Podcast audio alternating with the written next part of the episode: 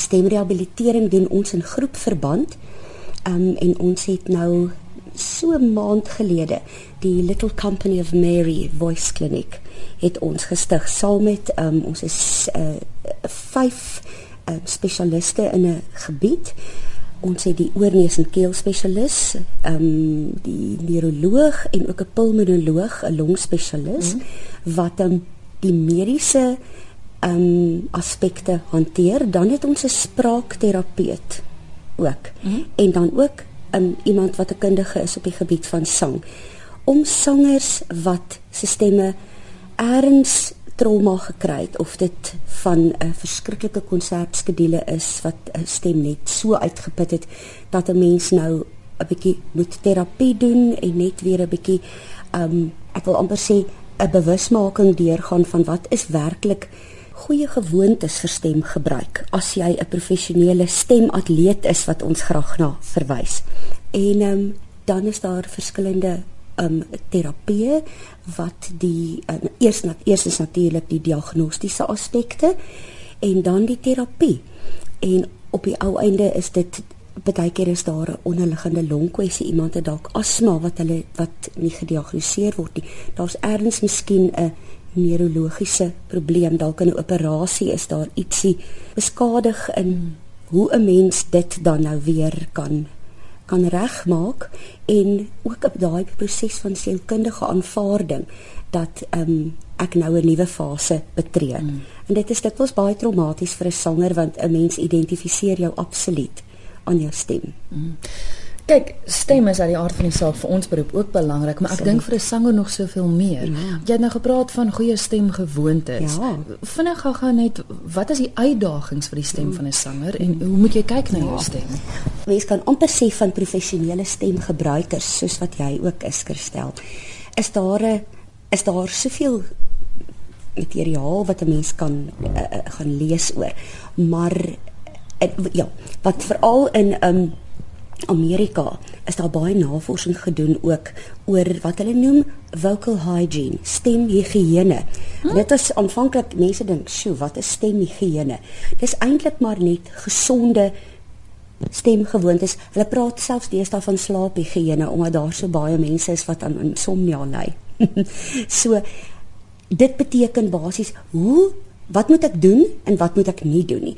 En dan staan 'n paar goue reëls. Die eerste reël dink ek van 'n stemgebruiker is om baie water te drink.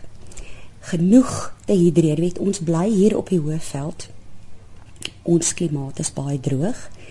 En ehm um, ek kan proe selfs van hierdie lekker oggendkoffie wat ons hier het. Koffie is byvoorbeeld ook nie net 'n stimulant nie, maar dit is ook um, 'n middel wat wat jou vog uit jou liggaam uit kan kry. So, saam met elke koppie koffie, drink maar 'n ou glasie water. Die tweede ding is 'n mens moet rusposes maar hê en mens moet dophou hoe jou gespreks stem is. Jy het 'n baie rustige stem ander mense byvoorbeeld selfs as mense dink aan afslaers moet hulle stem vreeslik hard mm, maak mm, mm. en hulle moet verskriklik vinnig praat so hulle plaas baie stremming op daai stem. So dan moet hulle gereeld rusposes hê tussenin net en dan natuurlik een groot ding 'n mens moet maar baie versigtig wees vir die rookgewoonte want dit is ook dit droog maar uit en dit het um, skade op die stem want jou stem is eintlik maar 'n kleppie vir die lug weg waar die lug gaan na jou longe toe. En ehm um, maar 'n gebalanseerde leefstyl. Hmm. En dan moet 'n mens maar kyk ook daar's 'n ehm um, 'n tipe van 'n sindroom wat deur 'n Dr. Bastian in Amerika geïdentifiseer is. Hy noem dit die vocal overdose syndroom. Ja. En dit is ouens selfs onderwysers wat die hele tyd moet praat en dan is dit nie net oor die vak wat hulle moet praat byvoorbeeld nie. Dit is om 'n bietjie dissipline in die klas te kry. Dit wil sê daai stem word oorgebruik amper deur 'n dag. Want verder mens praat met jou kollegas, jy praat met die kinders, jy praat, praat, praat, praat, mm. praat mm. baie keer dalk um, predikante wat jeugwerk doen. Um, en 'n mens kry dikwels die stem word uitgeput, word geforseer in laryngitis in en dan op 'n punt moet 'n mens dan ook weet wanneer om mediese sorg te gaan kry en as jy dan nou daai punt bereik het is daar 'n span wat vir jou weer op die regte plek gaan sit. Fantasties. Nou kyk, die eintlike rede hoekom ek vandag by jou kuier is omdat jy binnekort op pad is Wakkerstroom Musiekfees toe mm. met 'n fantastiese konsert wat jy daar gaan bied. Dis deel van Sempre Opera. Is jy is jy konstant deel van hulle of mm -hmm. is dit maar soos alle sangers en almal in vryskut jy oral hier ja. en daar? Um ons is 'n taamlike uh, ons is 'n groep wat maar uh, by mekaar uh, bly. Ons het dikwels sangers wat nuwe audisies doen, maar ek is op die bestuur van Sempre Opera en ehm um, ons is maar half amper alles net soos ehm um, Gey Kost in hulle destyds mm. ook wie die opera van Stapel gebring het weet en hulle het in die aula in oral op kampus en waar hulle kon het hulle maar ehm um, die ding gedoen is ons in 'n soortgelyke situasie weer en ehm um, so ja ons is op pad ehm um, na die fees toe en ek dink dit is 'n wonderlike fees Dis 'n klein ou dorpetjie, pragtig so daar op pad deur Mpumalanga op pad deur na KwaZulu-Natal toe. En ehm um, mense is baie vriendelik mm. en wat heerlik is dit is 'n klassieke musiekfees. Baie wil nie sê nie sal dit trant nie, mense kan dit nie vergelyk nie want ek dink elke fees het sy eie unieke karakter en en uh, daar's 'n daar's ook 'n kultuur om elke fees, maar dis heerlik vir klassieke musikante net om saam te kom en die mense van die kontry en mense kom so ver as ons het van ons beurskandidate wat so ver as die Kaap kom om te kom deelneem. So dit is 'n dis 'n baie goed georganiseerde fees. Jy kan sommer loop na alles toe en die atmosfeer daar is heerlik. Vertel ons van die produksie wat jy vat. Ons is natuurlik as opera sangers het ons daai verbintenis gemaak van Mozart se musiek is so populêr want kyk hy is mos maar beskou as die populêre kunstenaar van sy tyd. en dat sy musiek in in rolprente gebruik is. En ons titel is Mozart at the Movies. En ons het so 'n bietjie gerondkrap en um, ons het gesien dat selfs van die vreemdste films het Mozart se musiek.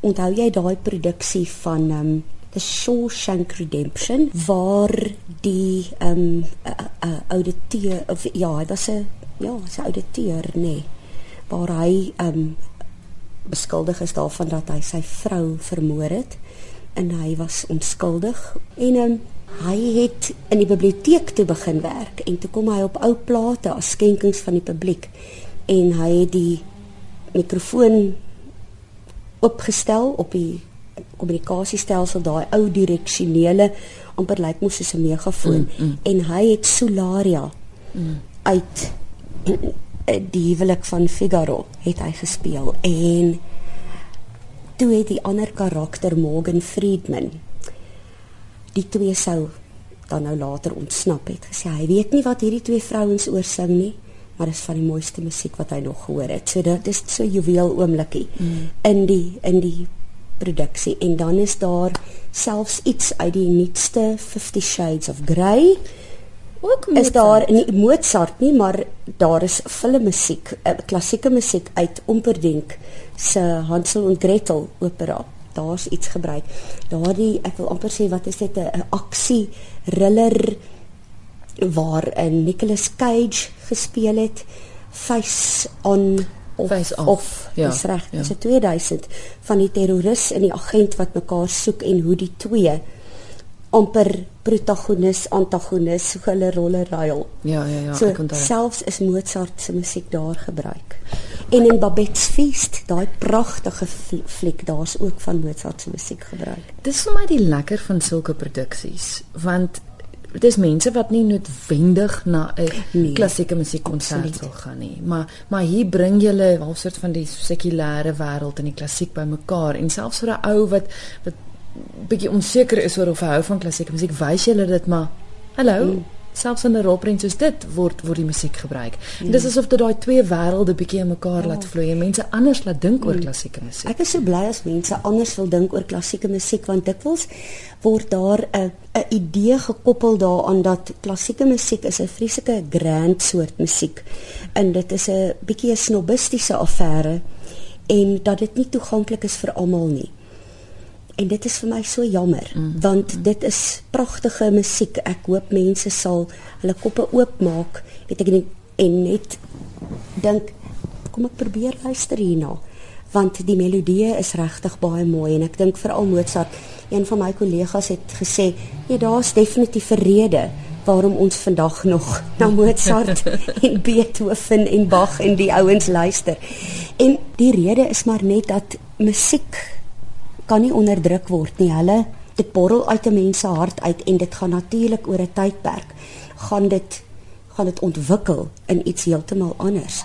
Mm. Maar um, ek wens mense eh, gaan besef dat hierdie ook maar net nog deel is van die groot pakket van goeie musiek waarna ja. mense kan luister.